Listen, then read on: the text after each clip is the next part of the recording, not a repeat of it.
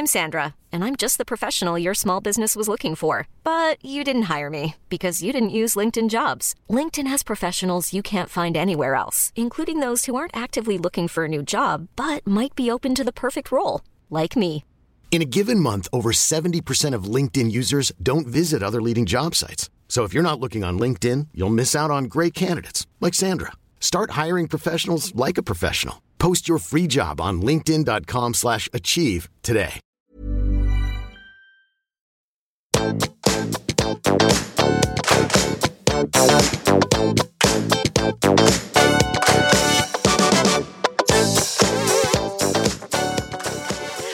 Kristin. Er du på linja? Ja, Det er du, vet du hva. Så hyggelig at du har tatt deg tid til å ta en liten prat med meg, og til å gjeste podkasten. Det setter jeg veldig stor pris på. Takk skal du ha. Veldig hyggelig å få lov til å komme.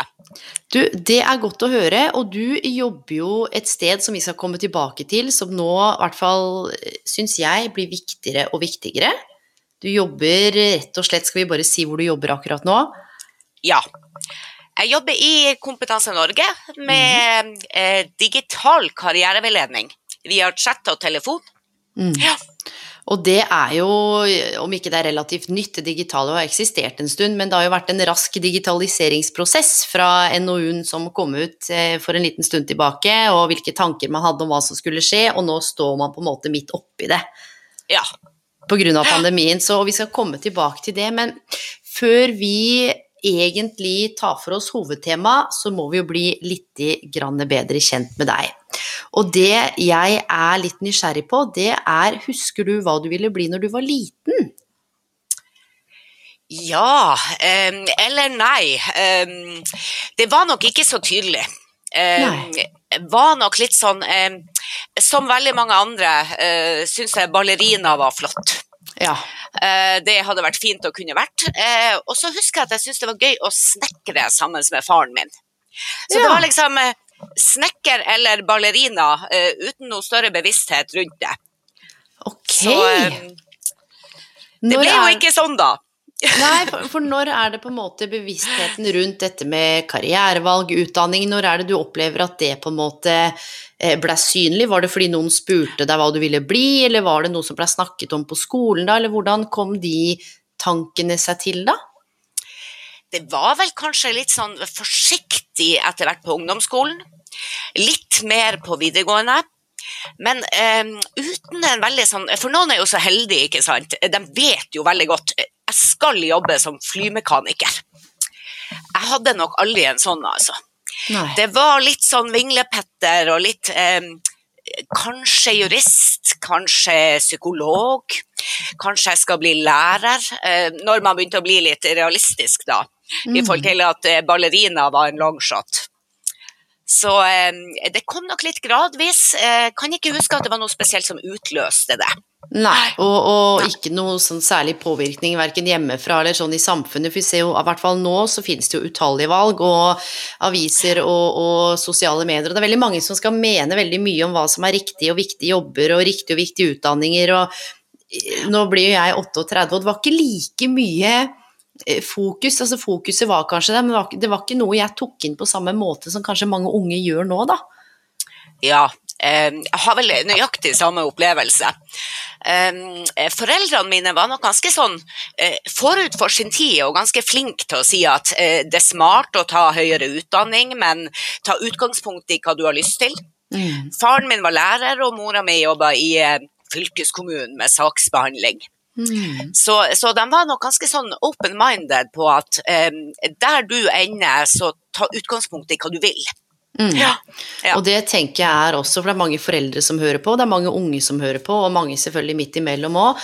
Og akkurat det, det, det du peker på der, tenker jeg er viktig, fordi jeg opplever i hvert fall i stor grad at det handler mye om å finne lykke og mening, og så tenker jeg kanskje det å, nettopp som foreldrene dine gjorde, det å heller ta utgangspunkt i hva er det som engasjerer meg, hva er det som inspirerer meg.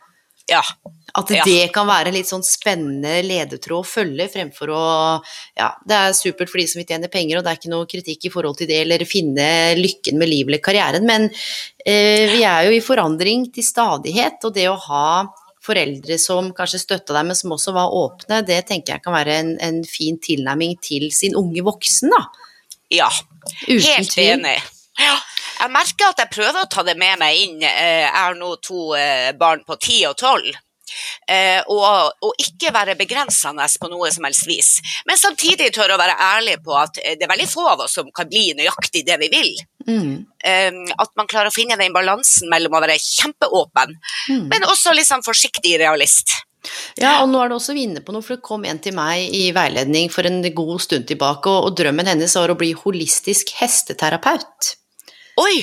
Og det er klart det? at eh, nettopp eh, man, jobber jo med, med å helbrede dyr, da, sånn med sånn eh, hele dyr og ja. Og så tenkte jeg umiddelbart, så slo det meg en tanke om at hva? Hva er det? Og så måtte jeg ta meg selv i å heller være nysgjerrig og stille de gode utforskende spørsmålene, enn å raskt si at vet du hva, det der det tror jeg ikke går. Og enden på visa, og det er hun som gjorde all jobben, hun jobber jo som holistisk hesteterapeut i Danmark i dag. Oi! Så, Wow! så, det, så det er akkurat den balansen du beskriver mellom å, å se på mulighetene, men også kunne være villig til å tørre å realitetsorientere, eller ta litt de vanskelige samtalene noen ganger Ja. om hva som er mulig, og kanskje legge noen, noen planer etter det. Men du snakka om ungdomsskolen og videregående. Hva, hva skjedde etter det? da? Hvordan pensa du inn eh, utdanning eller karrierevei? Jeg tror nok jeg gjorde litt det som mange andre. Eh, Jeg fulgte nok litt etter eh, hva andre gjorde. Eh, Jeg tenkte nok at det var lurt å begynne på universitetet, eh, og tok sånn studieretning, eh, psykologi, statsvitenskap. eh, Mye fordi at veldig mange andre gjorde det. Mm. Igjen, ikke veldig bevisste valg. Eh, eh, Jobba veldig mye ved siden av. Alltid vært glad i å jobbe. eh, Jobba i butikk, etter hvert i restaurant og nattklubb. og um, Burde vel egentlig kanskje på det tidspunktet eh, ha eh, fått en følelse av at kanskje jeg egentlig likte bedre å jobbe enn å studere. Mm. Ja, Og, og det tror jeg mange som lytter òg, for det er mange studenter i tillegg, og det tror jeg er en sånn tanke som kan slå mange, men som man gjerne holder litt inni seg, eller ikke sier så høyt. ja. Eh, og det å liksom tørre å sortere rote rundt i det også, alle trenger ikke ta høyere utdanning. Nei. Eh, og det er bare viktig å si, altså jeg holder jo på med høyere utdanning selv, men det betyr ikke at det er eh, veien eller åpner dørene til alt. Jeg har møtt masse spennende mennesker, som du sikkert har gjort også, som ikke har valgt den veien fordi de er praktiske, eller de er interessert i andre ting, eller har funnet sin vei utenom skolen. Ja. Og det er litt viktig å få fram de nyansene også, men hva, hva, hva gjorde det med deg på en måte når du hadde de tankene da? Fortsatte du å studere, eller? Ja, jeg gjorde det. Eh, Jeg tok ferdig det som da het Can Mag, som nå er en bachelorgrad, Eh, og fikk jo ikke verdens beste karakterer. Fordi at jeg var glad i å jobbe, jobba gjerne veldig mye, eh, mellom 50 og 100% stilling, eh, så det ble liksom sånn verken fugle eller fisk. Men eh, jeg har tenkt i ettertid at jeg er veldig glad jeg ferdigstilte den bachelorgraden eh, som er tilsvarende nå. Mm. For det er klart at eh, i senere tid så har jo den gitt meg innpass til Ja. en del jobber. Mm. Eh, og også det å kunne ta videreutdanninger, som jeg har hatt Mm. lyst til. Så har det vært eh, opptakskrav, f.eks. Ja. Ja. Og det er også en opplevelse jeg har av mange jeg snakker med som er litt eldre, som enten tar opp Ja. fag eller ønsker å studere. Og det tror jeg handler også litt om ikke sant? dette med å tenke langt frem og planlegge og vite litt, navigere i arbeidsmarkedet og hva som egentlig krever seg en, da. Og det er ikke alltid så lett å, å vite når man står i det, og kanskje aleine og det ikke man kanskje kjenner at man ikke har noen å snakke med, da. Mm. Fordi jeg tenker jo, og dette har jeg lyst til å bare lufte litt med deg, fordi det er jo folk som hører på som kanskje ikke virkelig trives i studiene i det hele tatt, som har valgt helt feil. Og hva tenker du er noe av årsaken til at mange opplever at det er så utfordrende å si det høyt, eller tørre å gjøre noe med det valget? Ja, det er jo interessante refleksjoner rundt det. Eh, som det også vi som jobber i denne tjenesten snakker en del om eh, av og til. Og det er sikkert veldig forskjellig. Eh, og det kan jo hende at noen av oss har litt den at man skal fullføre når man har begynt. Man skal liksom litt sånn stå i ting, eh, gjøre seg ferdig. Eh, mens den her tendensen til å bytte, kanskje opplever å være litt vinglepetter, eh, fremstår som litt mer sånn uferdig eller Eh, mens det kanskje derimot er at eh, nøyaktig den evnen til å se eh, det man holder på med, mm. som eh, det er som bestemmer, jeg kan velge det bort, jeg kan velge det inn igjen senere. Eh, og det å ta Jeg liker ikke engang ordet feilvalg. Enig. Helt enig. Det er noe med det at ethvert valg gir noe mm. som gjør oss klokere. Mm. til og med når man har valgt feil, å finne det ut tidlig og kan bytte underveis, så er jo det fantastisk viten man har fått. Mm.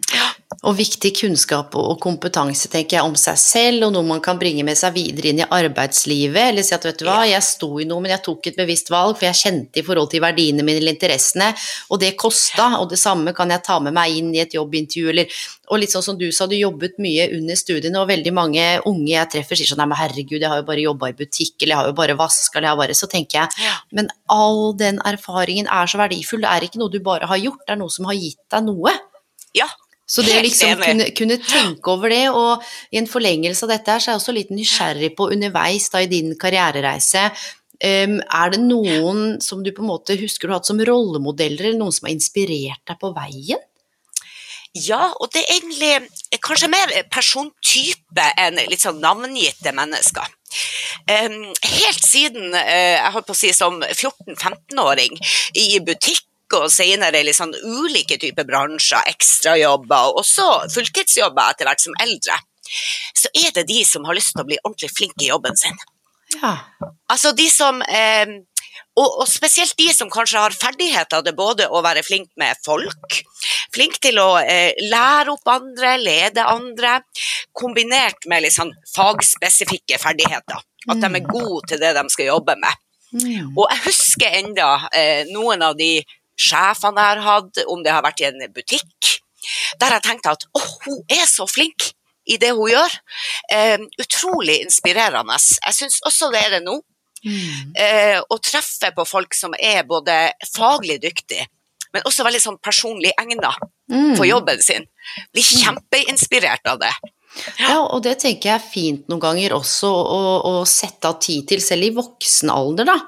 Eh, ikke bare når man er ung, kanskje man har noen rollemodeller innenfor idretten eller foreldrene eller, eller, andre der ute, men det å virkelig sette seg ned og kjenne etter om du er 18 eller 40 eller 60, hvilke egenskaper og interesser, eller som du sier personlighetstype, eller hva er det jeg ønsker å kunne identifisere meg, eller hva, som, hva slags rollemodeller ja. inspirerer meg? Og det kan også være et fint utgangspunkt for å utforske egne tanker om karriere.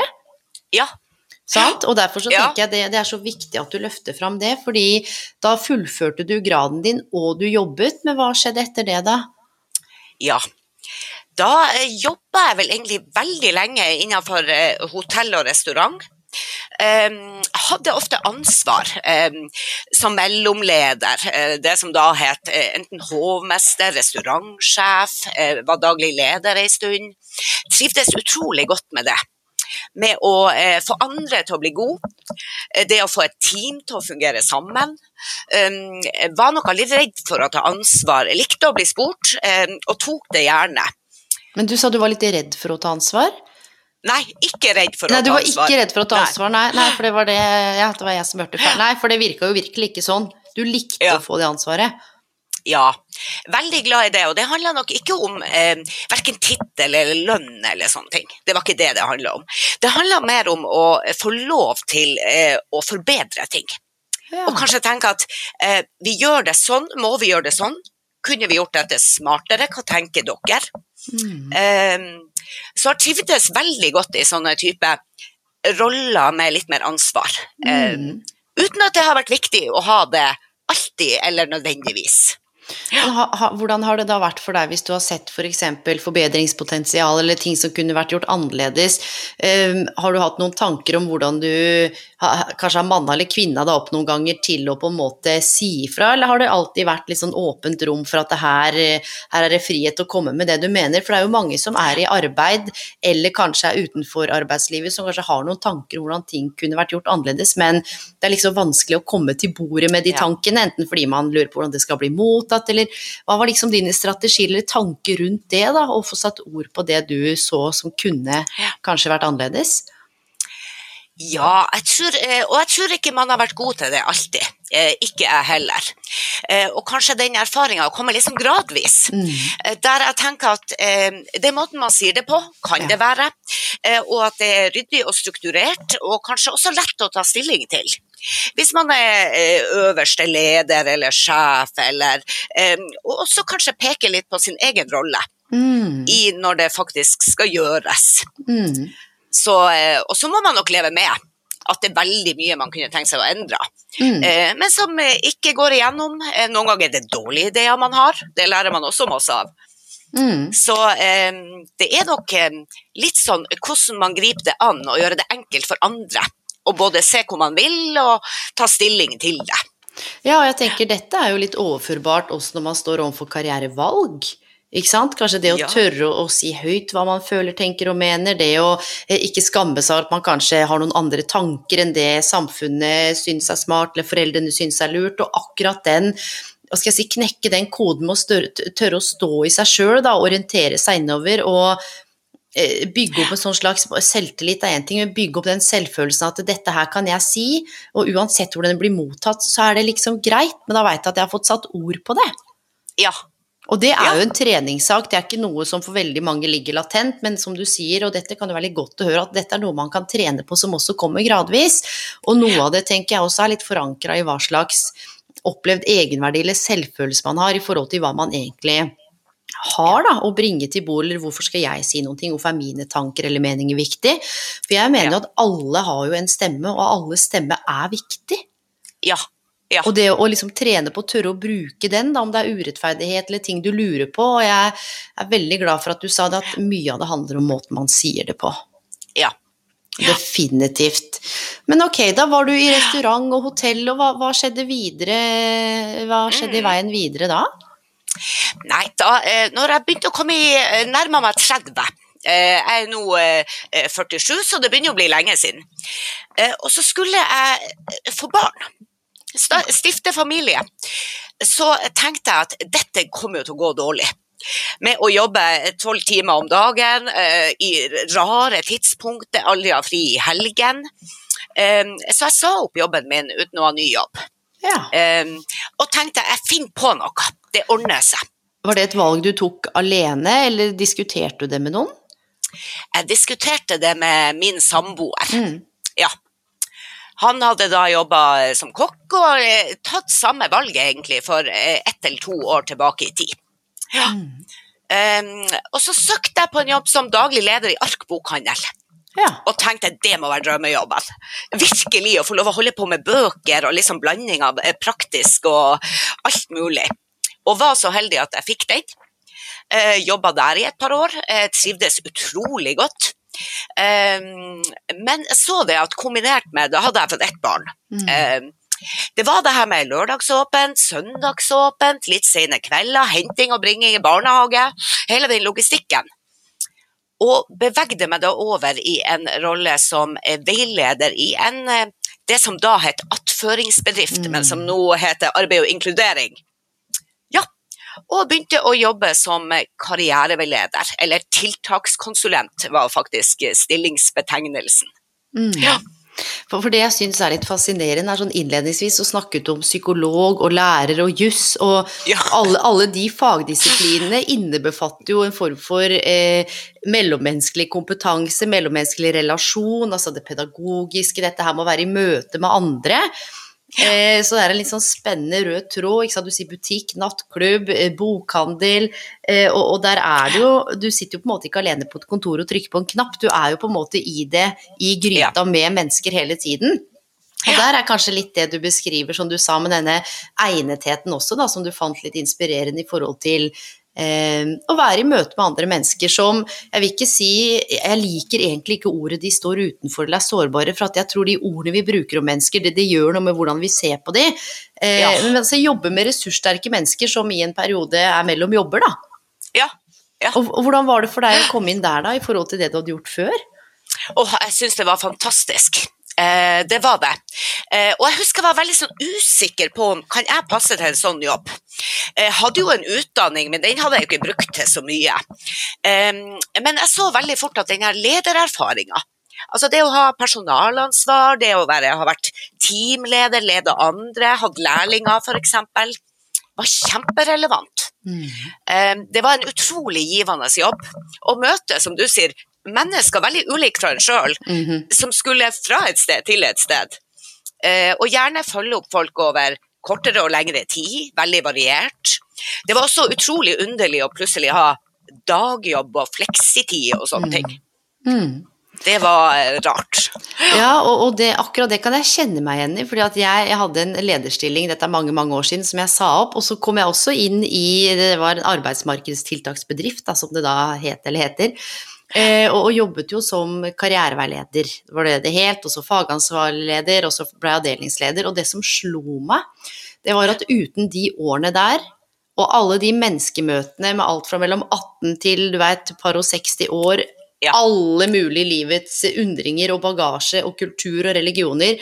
Så det, det, det har gitt meg en annen sånn ydmykhet som jeg tror Dette er ja. min påstand, som du ikke får ut av å lese en bok. Og det er ikke fordi at jeg ikke leser og er opptatt av teori og karriere og alt dette her, men det er noe i det derre rommet eller møtet med mennesker som har gitt en sånn åpna så mange dører til nye dimensjoner i meg selv også. Ja.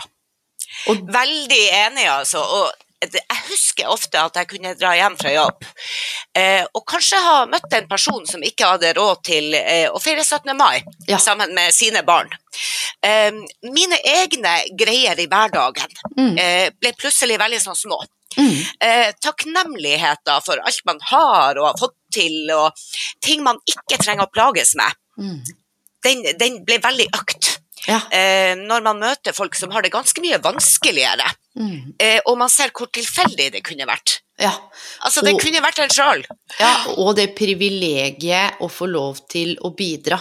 Ja. Eh, og, og, det pleier jeg å si, og, og, dette, vi holder på med et masterprosjekt nå, holder på med noe forskning, og da var det en veldig interessant altså, sitat fra en karriereveileder faktisk oppe i nord, og hun sa det at det, når de kommer til oss i karriereveiledning, de skal ikke ha noe fra oss. De skal ikke ha noe eh, penger, de skal ikke ha noe eh, Altså tjenesten er liksom karriereveiledning, men de skal på en måte, vi skal ikke gi dem noe. Sånn, vi skal ja. skape noe sammen, så de går ikke ut med liksom sykemeldingen, eller de går ikke ut med eh, to streker under svaret nødvendigvis, men det er bare det der å undre seg over ting sammen. Og, og, jeg også kjenner meg igjen i det du sier, for jeg jobbet jo der i en del år og ble blåst av banen av hvor mye kunnskap og kompetanse og erfaring det sitter hos mange som er mellom jobber, som, ja. som, som, på en måte de ikke helt har klart å finne fram til selv.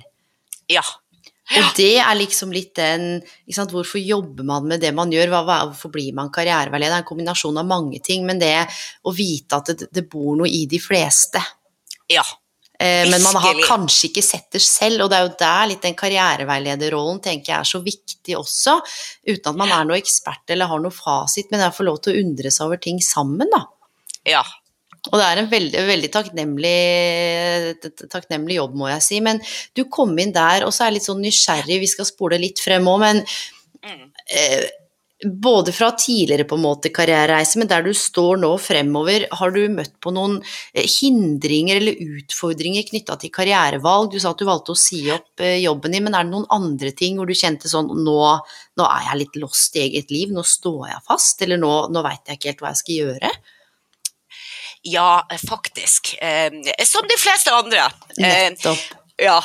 Eh, jeg tror nok ikke mine eh, karriereutfordringer har vært så store. Eh, og så har jeg nok jeg har nok en tanke om at det er karrieremuligheter mer enn karriereutfordringer. Mm, to sider av samme sak. Men jeg tok nok innover meg på et tidspunkt at Og da hadde jeg jobba som leder veldig lenge. litt samme som du sa. fagleder, avdelingsleder, satt i ledergruppe, masse mm. ansvar, lange dager. høyt trøkk. Og hadde egentlig lyst til å få en bedre balanse mellom jobb og fritid. Mm. Rett og slett. Eh, for eh, noen år siden. Og da var det litt sånn Skulle jeg hoppe av nå, ta utdanning? Kanskje begynne med noe helt annet. Eh, litt sånn rådvill. Hva, hva, er lurt, hva er smart, hva er det jeg egentlig vil? Gikk masse runder, spurte folk, gravde og gjorde min egen lille karriereveiledning. Og da fant jeg ut at jeg hadde lyst til å bli lærer. Ja. Hadde kjempelyst til det. Um, sa opp jobben min uh, uten å ha ny jobb. uh, søkte på studier. Uh, fikk beskjed om at jeg var kommet inn. Og så så jeg jo denne utlysninga i Kompetanse Norge. Ja. om utvikling av en ny nasjonal tjeneste. Mm. Og vet du, plassen var der, planen lå klar, men den utlysninga var bare for god eh, og for spennende til å la forbigå i stillhet. Mm. Så jeg tenkte det skader ikke å søke. Oddsen er sikkert lav. Og så fikk jeg den, eh, og takka da nei til studiene. Ja. Og så tenker jeg nå i ettertid at jeg var nok litt sånn rådvill der. Mm. Skal jeg velge jobben eller studiene? Og, eh, og det å si opp en fast jobb og bli student, og man har stått og beregna i Excel, går det her rundt Mm. økonomisk? Altså um, så, Men sammenligna med man, mange andre, tenker jeg, så har jeg vært eh, veldig heldig. Mm. Eh, har liksom eh, kunne jeg hatt en samboer, vi har vært enige om disse tingene. Det er en eh, laginnsats. eh, Vi får det til økonomisk ved at vi ikke trenger å reise på ferie i tre år. Eh, Og så har man funnet retning. Og så skjer ting underveis, da. Mm. Så den eh, lærer, lærerretninga ligger ikke død, jeg er jo bare 47 år. Mm. Det kan jo skje mye eh, på de 30 årene til. Definitivt, og jeg tror, og jeg liker at du kaller det også karrieremuligheter.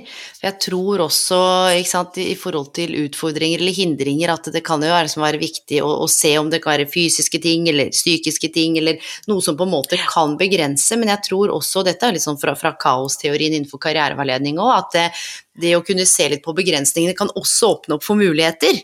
Ja, Sant? I forhold til ok, da, da vet jeg at dette kanskje ikke er mulig, men da blir det mulig isteden. Og så er det jo noe med å få fram jeg har også vært lost i eget liv, og, og det er så egentlig godt å høre at du, du også har vært litt rådvill, selv om det kanskje ikke har vært de største utfordringene, fordi mange tror at vi som karriereledere er sånne overmennesker som sitter på fasiten om hvordan alt fungerer, hvordan alt henger sammen, og vi sitter jo riktignok på en del erfaringer og kanskje ekspertkompetanse på en del ting, i kraft av både empiri og forskning og litteratur, og at vi har holdt på med dette en stund. Men det betyr jo ikke at jeg alltid vet, eller vet hva andre mennesker skal gjøre. Det er det derre å finne ut det i fellesskap, og det er litt godt å vite at det er flere som ja, som har vært litt rådville til tider. ja, Det er jo en Ja. egen opplevelse og en egen erfaring i seg selv. ja det er det. Ja. Du, hvis du da på en måte skulle se tilbake da, på, på 20 år gamle deg, hva, på en måte ville vært den viktigste refleksjonen eller eh, karriererådgivning eller tanken du ville på en måte gitt til deg selv da, hvis vi spoler tilbake 27 år, idet du står på trappene? Ja. Tenker vel kanskje at jeg ville sagt det som eh, også er ofte tema nå. At disse valgene man skulle ta, eh, når man søkte seg inn på det ene eller det andre og sånn, eh, det er ikke så farlig, for man kan gjøre dem på nytt.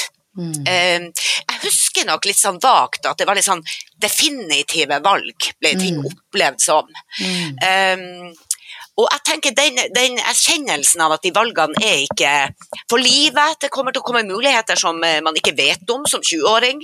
Mm. Eh, kommer kanskje til å jobbe med noe helt annet enn det man utdanner seg som. Eh, det, det kunne nok vært fint å vite da. Ja, og det der er faktisk veldig interessant at du tar opp det, for i går så snakket jeg med både en på 17 og en på 21, sånn helt tilfeldig, det var, jeg hadde ikke noe med karriereveiledning å gjøre, men da kom vi inn på det, for det er jo ikke sant, hva jobber du med? Og det begge de to sa var at det, det virkelig føltes ut som om man måtte velge for livet.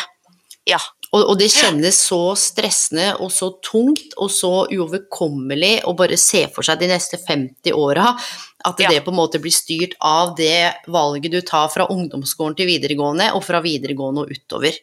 Ja. Og så lurer jeg på, det, og det er jo ikke noe svar her, men hva er det som gjør at så mange unge i dag kjenner så enormt på det presset der om at nå tar man et valg for li- livet, istedenfor å se på kanskje valget som et prosjekt, da, som en del av en prosjektplan, eller at karrieren er en del av prosjekt, prosjektliv, prosjektkarriere, prosjektvenner, ikke sant. Vi er, er, jo, vi er jo på mange arenaer, og vi er jo det hele mennesket. Hva er det som gjør at det kjennes så voldsomt ut, tenker du? Ja. Åh, det er vanskelig å si. Jeg tenker vel kanskje at det er sikkert det der også er mange forklaringer. Um, og at kanskje vi, vi som foreldre uh, har en rolle i når um, jeg ser uh, bonusdattera mi kom hjem uh, og sa at hun ville slutte på skolen. Hun ville bytte retning. Ja. Og man kjenner jo litt at refleksene er sånn eh, Istedenfor å tenke Men så bra, hva er det som gjør at du tenker det? Mm. Og så kan man heller backe opp og støtte opp under eh, de gode refleksjonene eh, mm. hun hadde rundt hvorfor var det jeg valgte som jeg gjorde, eh, og hva er det jeg innser nå som gjør at jeg har lyst til å bytte. Mm. Og i den store sammenhengen, hvis du bruker ett eller to år lengre på ting, betyr så utrolig lite. Mm. Men, men, hva det er som Kanskje det er noen sånn planleggingsbit i oss eh, som gjør at det her med å skulle skifte underveis mm. blir for mange av oss en sånn negativ eh, eh ting man ikke skal gjøre. Mm. Mm. Men eh, veldig synd. Ja, for jeg tror at eh, jeg, jeg, Nå skal ikke jeg si det her uten at det høres flåsete ut jeg skulle ønske at det var litt mer lek, eller at ikke, ikke at karriereveiledningen var lek, men fordi jeg, jeg, har møtt veldig få karriereveiledere, og jeg har møtt mange som tar seg selv høytidelig, så det er ikke det jeg snakker om, men i, i, forhold til disse valgene, og jeg vet at det er utdanningsvalg i skolen, og, og det er jo eh, mange som får mye spennende der, og så er det litt sånn ulike opplegg på ulike skoler, og dette vet vi jo både på systemnivå og, og det, hvordan det kan oppleves på individnivå, men det virker så veldig alvorlig. Og jeg kan ja. forstå også når man står midt oppi det, og det å bruke to år lenger, det kjennes jo helt krise, for alle vennene dine skal jo videre. Ja. Men det er det derre å fått inn litt mer lek, og heller sett på det som eh, Gjort det litt til noe som var litt mer leken, sånn at man klarte å stå i det med en bedre følelse. Ja. Og den derre frykten for å velge feil, jeg vet ikke hvor mange henvendelser jeg får om frykten for å velge feil i alle disse valgene som finnes, at man ender opp med å bli litt sånn paralyzed by indecision, at man, man bare blir ja. sånn handlingslamma. Og så ender man opp med å bare ta noe. Noen ganger så treffer man, noen ganger så treffer man ikke. Og jeg er 37, jeg veit ikke hva jeg skal gjøre om fem år. Nei. Jeg har noen tanker, jeg har lyst til å gi ut en bok, jeg har lyst til å gjøre sånn, nå har jeg podkasten, men jeg vet ikke, og det tenker jeg, det har jeg falt litt sånn til ro med. Ja. Så treffer man på ja. ulike mennesker, og så blir man propellert i ulike retninger. Men dette her tror jeg også kommer litt mer med kanskje modenhet da, og erfaring, og at livet blir jo stort sett aldri sånn som man har planlagt. Ja, og det tenker jeg, og dette her bringer oss over til det siste liksom, spørsmålet før vi går over til hovedtemaet, og det er liksom til alle de som lytter nå. Nå har du allerede delt liksom, gode refleksjoner du vil lite i deg selv, men hvilke andre karrieretanker eller refleksjoner ønsker du å dele med de som lytter nå? Ja. Ja, jeg tenker kanskje at eh, som vi har snakka litt om, så er jo alt det vi gjør, om det er en ekstrajobb eller et eh, studievalg som vil skifte, eh, gir noe erfaring eh, mm. som gir en ballast på veien. Mm. Og det å kanskje av og til stoppe litt opp og tenke over det, eh, skulle jeg i hvert fall ønske at jeg gjorde litt mer av.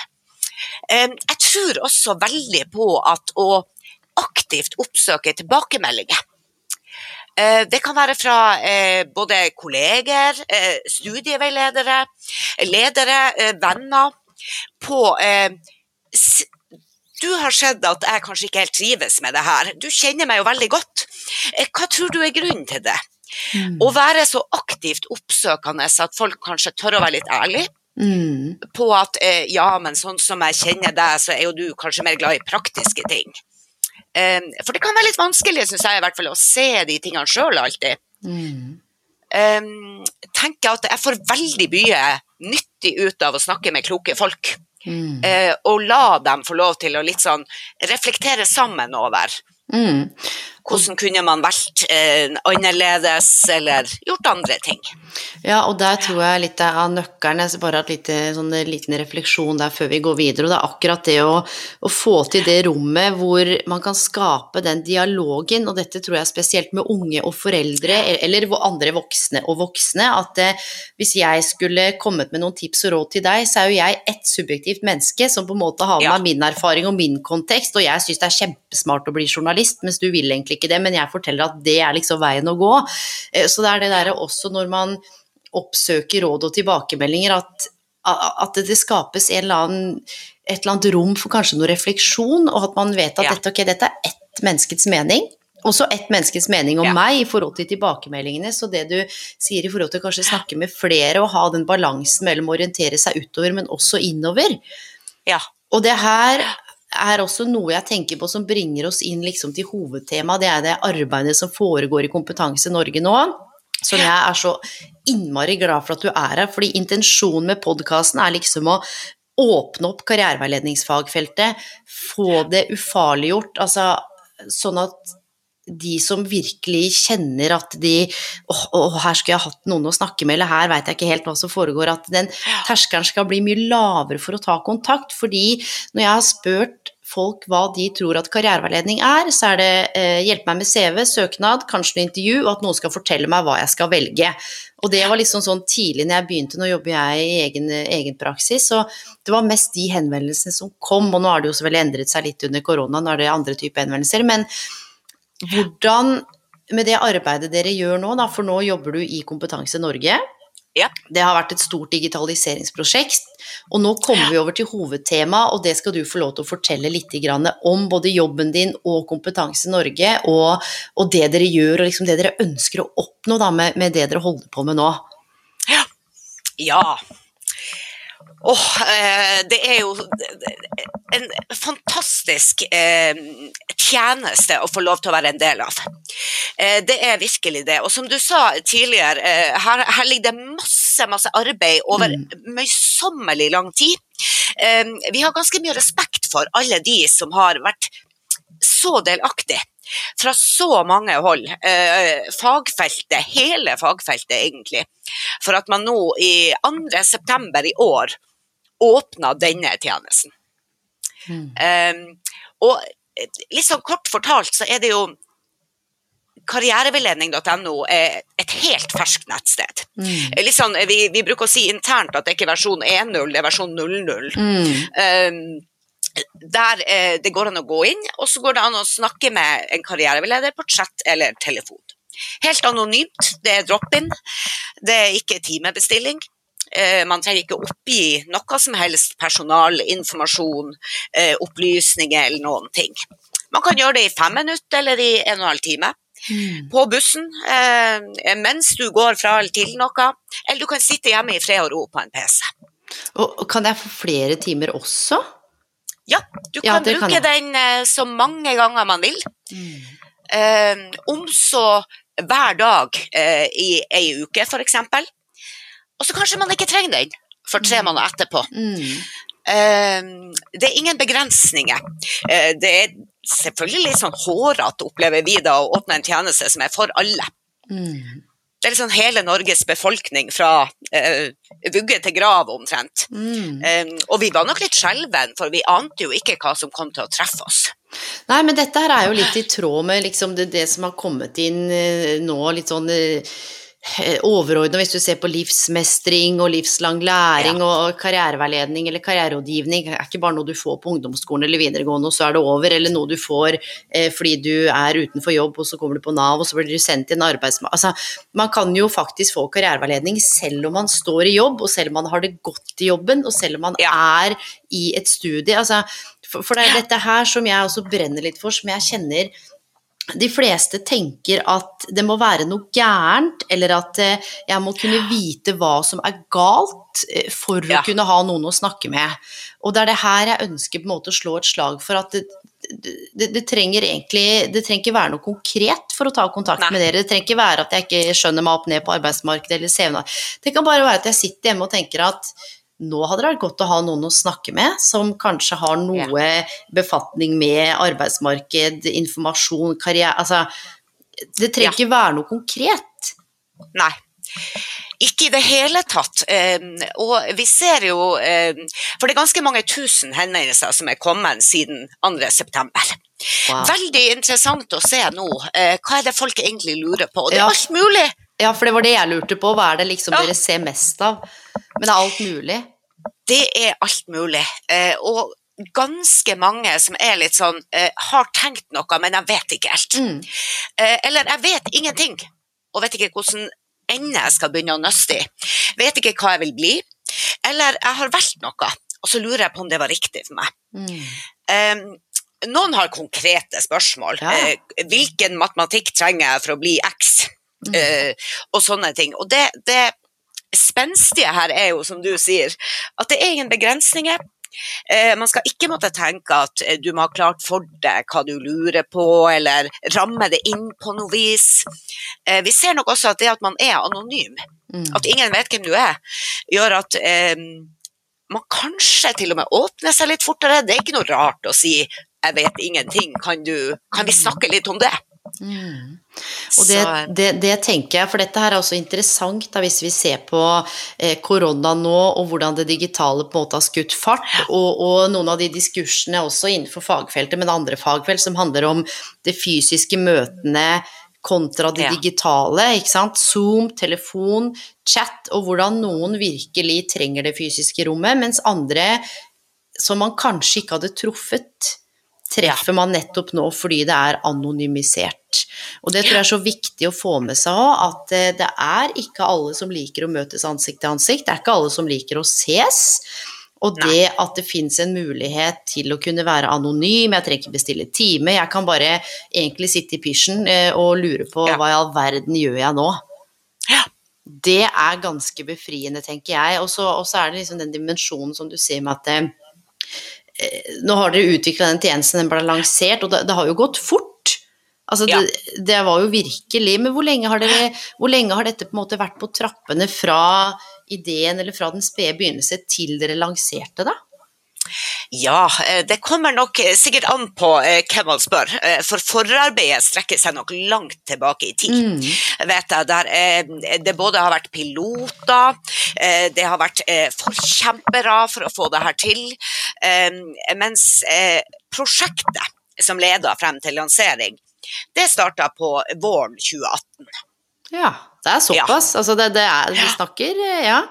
Ja. Wow. Så eh, det har jo tatt litt tid. Eh, både å finne ut hvordan skal det løses rent teknisk, eh, hvordan skal det organiseres, eh, hvordan skal man på en måte klare å komme seg dit at man kan låse opp døra og slippe inn uten å avgrense eller segmentere målgruppe. Mm. Så og, det, og det er akkurat det der jeg tenker er så fint når man snakker liksom om begrepet karriere og karriereveiledning for alle, eh, og så vet man jo at, at det er jo en Altså, dette er sikkert ikke så spennende for alle, men det finnes jo noen politiske føringer om hva karriere, karriereveiledning er og skal være, men at det har kommet på plass en såpass, vil jeg si, eh, fri tjeneste, da. Og jeg, jeg får jo veldig, Ja. veldig mange henvendelser og har jo vært fullboka lenge, og det er jo også en egen ressurs på siden min hvor jeg henviser til dere, og, og alle de fantastiske fylkesvise karrieresentrene hvor man kan få gratis Ja. karriereveiledning over 19 år. Og jeg tror at det for mange, mange opplever, eller min opplevelse er at mange av de jeg har snakket med, er at du må nesten falle utenfor og miste jobben din eh, før du på en måte skal få hjelp. ja. Men sånn er det jo ikke her. Nei, ikke i det hele tatt. Og så syns vi, eh, nøyaktig som du sier, eh, så er de 19 veiledere som jobber i denne tjenesten, hva de har klart å opparbeide seg kompetanse på på bare noen få måneder siden de starta i jobben, eh, det må jeg si at jeg bøyer meg i støvet for hver eneste dag. For kunsten her blir jo også å avdekke når denne tjenesten ikke er nok, Ja. eller riktig. Yes. Yes. Og det var Um, og de det fylkesvise, det er kjempeviktig. Mm. Formatet har noen åpenbare begrensninger. Eh, Naturlig nok. helt naturlig nok. Eh, og de fylkesvise karrieresentrene og alle andre dyktige aktører innenfor Mm. karriereveiledning ser vi at de av og til kan ha et godt forarbeid sammen med veisøker. Mm. Men så er det likevel best at vedkommende faktisk kanskje får en mer langvarig relasjon der du kan bestille timer, du kan møte folk ansikt til ansikt, du slipper å skrive. Mm. Um, og det er en fornøyelse i seg sjøl å kunne opplyse om Mm. tilbudene som finnes. Ja, for, for, for det er jo litt det der med hva gjør Skal jeg spørre om et veldig stort spørsmål, og dette avhenger også selvfølgelig av sektor, og, og masteroppgaven jeg og min samarbeidspartner holder på med nå, vi holder på å forske tverrsektorielt, som er veldig spennende. For det er jo, utøves jo ulik karriereveiledning i ulike sektorer, også basert på hvem mennesker man jobber med. Men her hos dere så må man i utgangspunktet kunne håndtere ganske masse. Sånn at Ja. eh, hvis jeg går til karriereveiledning.no, er det sånn at jeg kan både få informasjon om studier og nettsider og sånne ting, i tillegg til eh, samtalen eller karriere... Liksom den bredden i det dere tilbyr, da. Ja.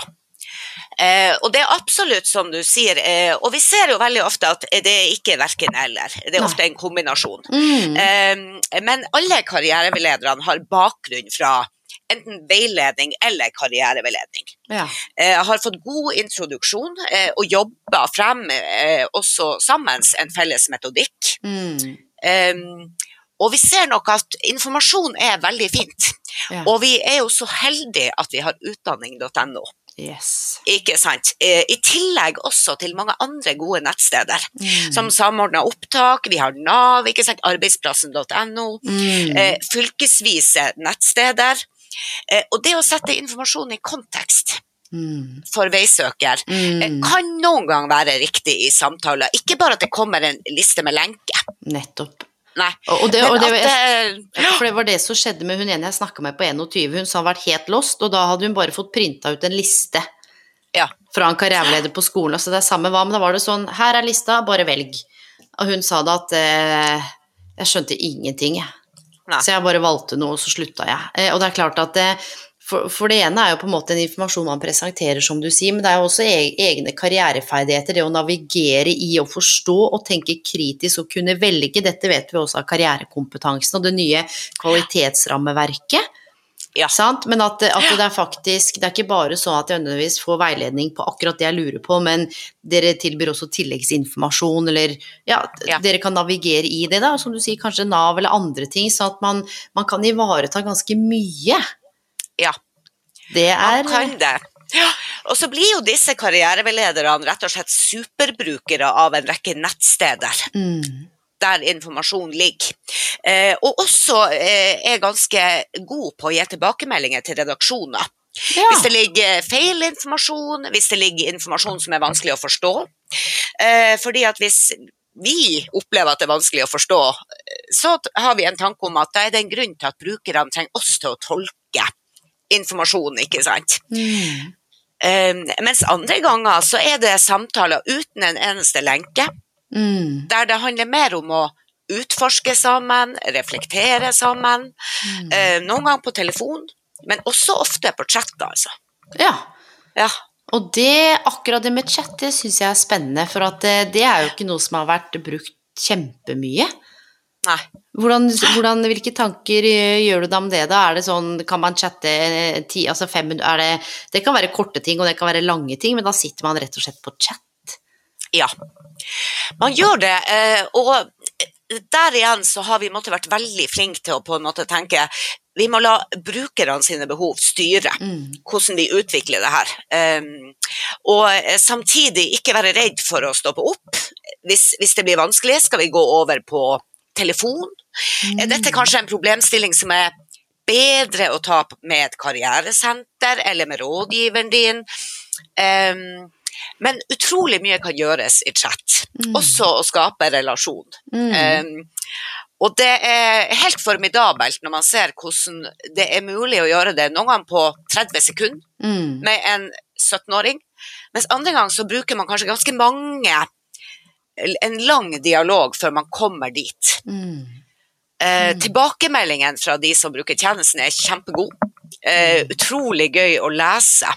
Eh, og den opplevelsen av at noen kanskje til og med blir overraska over at dette går an. Mm. Eh, mange spør oss eh, om vi er chatboter. Ja. Det er Ja. dere ikke. Nei. Nei. Um, og det er relativt mange som spør om det, og som tydeligvis da ikke ønsker å bruke tjenesten. Hvis, Mm. jeg håper du er et menneske. Og da svarer selvsagt veilederen på en veldig hyggelig måte at yes, Mm. jeg er et menneske, helt klart. Mm. Og jeg tror, Så- For det som er så fint med det her, altså bare slo meg, det er litt sånn karriereveiledning på farten, men det trenger ikke være det. Det, også, det kan også være disse lange, gode, ikke sant, med oppfølging over tid. Og det, derre- det, det å klare å utvikle en tjeneste som skal være for hele folket, altså for det jeg er opptatt av, er karriereveiledning til folket. Ja? Og det, er her. ja, og det er derfor det er eh, si, vanlige mennesker med som er gjester, som deler sine karrierehistorier. Og så er det jo et, en glede å få lov til å ha med noen som jobber som karriereveileder også, med den tjenesten og har vært med på den reisen og eh, liksom den betydningen av hva karriereveiledning kan være. Ja.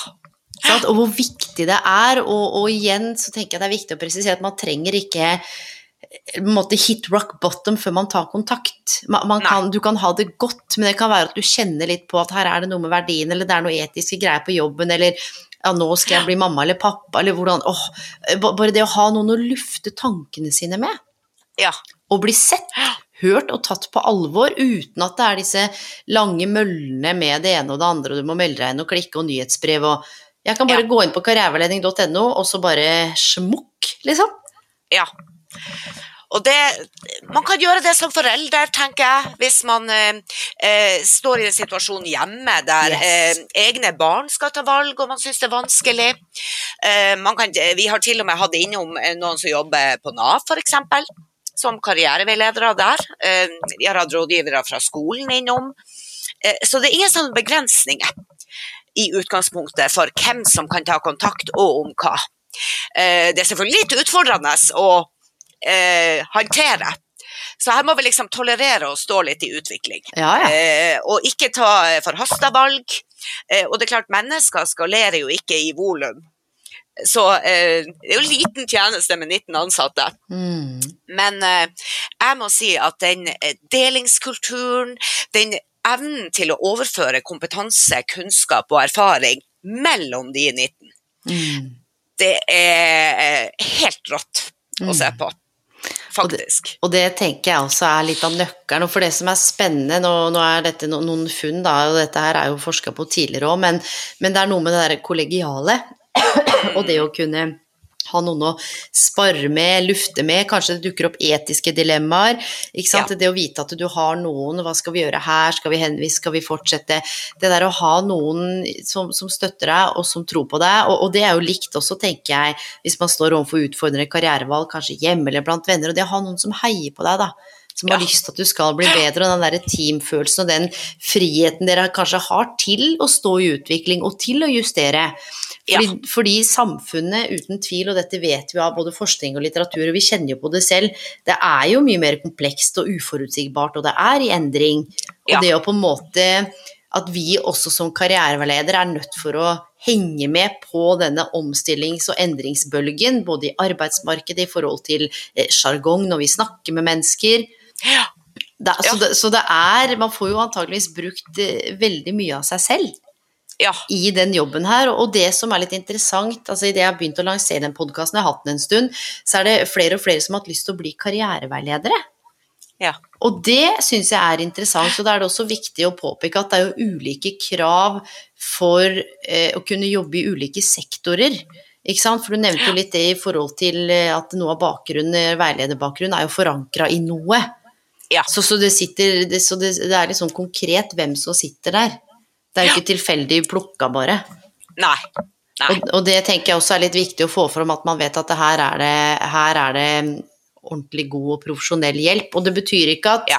det betyr ikke at der hvor det kanskje ikke ligger en sånn kjempehøy formell utdanning, det kan være masse dyktige karriererådgivere og veiledere som har livserfaring. Jeg kjenner personlig en som har vært ute av jobb selv, han har gått over 60 år, og er kanskje en av de fremste, og har begynt å lese seg opp selv og sporer og er nysgjerrig. Så det er den kombinasjonen, for dere som sitter der, bringer jo også deres livserfaring til torgs. Ja. Sant? Absolutt. Ja. Eh, og så tenker jeg at vi, vi brukte masse tid til å begynne med, eh, og underveis, på å avgrense også veldig tydelig hva vi ikke skal svare på. Ja. Hva vi ikke skal rote oss inn i. Eh, for vi kommer jo alle fra noe. Eh, noen har jobba på Nav, noen har jobba i skolen, ikke sant. Eh, der man har hatt en annen veilederrolle. Mm. Så man har jo kanskje svaret og kunnskapen. Men det er klart, i denne tjenesten så er det jo utrolig viktig å ikke la seg lure over i eh, å svare ut fra tidligere jobbrolle, eh, noe man tror man vet, men som kan ha endra seg veldig på kort tid. Mm. Så, men der ser vi igjen at det å da sitte sammen med folk og se på den informasjonen Mm. som ligger tilgjengelig, og så reflektere i lag. Når det Mm. står sånn, eh, hva kan det bety? Eh, hva vil være første steget? Eh, uten at eh, denne tjenesten skal være de som gir fasitsvarene. Mm. Og, og det tenker jeg er, er så viktig, og vi begynner å nærme oss veis ende, men det er akkurat dette her som er med karriereveiledning, også i de fleste sektorer, at det, vi er ikke noen sånne overmennesker som sitter med fasiten, som skal fortelle deg hvordan du skal leve livet ditt, men det handler om det fellesskapet og det å kunne tørre å være litt eh, ærlig og åpne sammen, undre seg sammen, og så har man jo noe ekstra ekspertise og kompetanse selvfølgelig, men vi veit jo Ja. ikke alt, og jeg tenker at dette her er ting som man finner ut av, men, men hele poenget også med den podkasten her er å få ut at det er en tjeneste der ute, karriereveiledning.no, som er gratis. Så du kan være anonym, du kan chatte, men, jeg kan, men kan jeg snakke med dere på Zoom? Ikke ennå. Um, så det er jo en del ting som vi ser naturlig for oss må bli vurdert fremover. Mm. Um, video er åpenbart en av dem. Ja. Uh, vi ser vel for oss også at utviklingsrommet og hastigheter fremover uh, kan jo være formidabelt. Det kan Mm. være webinarer, livesendinger, Mm. uh, hva vet vi, uh, kanskje podkaster. Eh, tilknytning til andre eh, solide fagmiljøer Mm. eh, på ulike måter. Mm. Eh, og vi har jo ikke svarene nå, Nei. men det her er jo bare den spede begynnelsen eh, på noe som nok både kan utvikles og spisses og avgrenses og virkelig bli et godt supplement Mm. til det som finnes.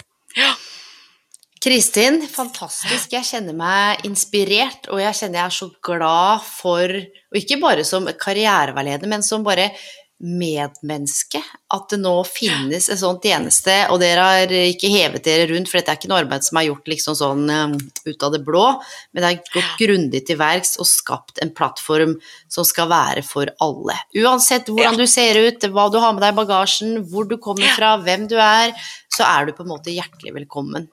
Og Ja. ingen spørsmål er rare, dumme, og du trenger ikke vite opp ned på noen ting. Det er nok å bare kjenne at eh, det, det kan være at du lurer på hvordan det er å jobbe i butikk. Ja. Ikke sant? At, det, at Ja, ja, Det, det kan være det, eller det kan være hvis jeg tar det studiet, hva kan jeg bruke det til, eller hvorfor bekymrer jeg meg over å ta det valget? Eller det kan bare være at man kjenner at det er noe som lugger uten at man klarer å sette ord på det, og det kan være nok det, å si at du, jeg, jeg vet ikke. Hjelp. Helt rett. Og det Yes. syns jeg er helt nydelig. Jeg kjenner jeg ble jeg ble jeg Det her fikk jeg energi av. Kjente jeg ble glad. Og det er en glede å ha rett og slett bare hatt deg med og lytta til karrierereisen din. Og jeg ser deg jo, for vi sitter jo digitalt, og jeg ser når du snakker om dette her, så jeg ser kroppsspråket og energien og bare entusiasmen din. Dette er noe du brenner for, i hvert fall. Ja, men det er jo sånne Ja. ting man kan fange opp, ikke sant. Det kan jo også, kan også høre på stemme, men det er et sånt vanvittig engasjement. Så i hvert fall for nå så opplever jeg at eh, du har det veldig godt der du er. Absolutt. Eh, det her må jo tilnærmet være drømmejobben. Eh, ikke minst pga. Eh, alle de fantastiske folkene. Å få lov til eh, å være med på en sånn utvikling som vi vet sikkert ikke engang nå hvor det kommer til å ta oss. Mm. Utrolig spennende år fremover. Mm, definitivt. Og som du sa, dette er starten på noe. Og sånn er det med karrierevalg også, eller utdanningsvalg. Ja. Det er starten på noe, og man vet, man vet ikke bestandig hvor den reisen ender. Sant? Men at det kommer til å være mye spennende i den, eh, i den gryta. Ja. Tusen takk, eh, Kristin, for at du tok deg tid til å være gjest. Og hvis jeg har lyst til å finne ut av mer om eh, Kompetanse Norge, fordi jeg ble litt nysgjerrig på det, da, hvor går jeg da? Da er det jo best å gå på kompetansenorge.no. Ja. rett og slett. Eh, mens eh, denne tjenesten spesifikt, Mm. så vil man nok eh, komme fortest til målet ved å gå på karriereveiledning.no. Ja. Eller utdanning.no, der tjenesten også er ganske synlig plassert. Mm. Ja. Fantastisk. Tusen takk for at du var med og bidro. Denne episoden her gleder jeg meg til å dele med alle. Altså få litt sånn woho! Yes! Vi Tusen snakkes. takk for at jeg fikk komme. Bare hyggelig, Kristin. Ha det godt. Ha det godt.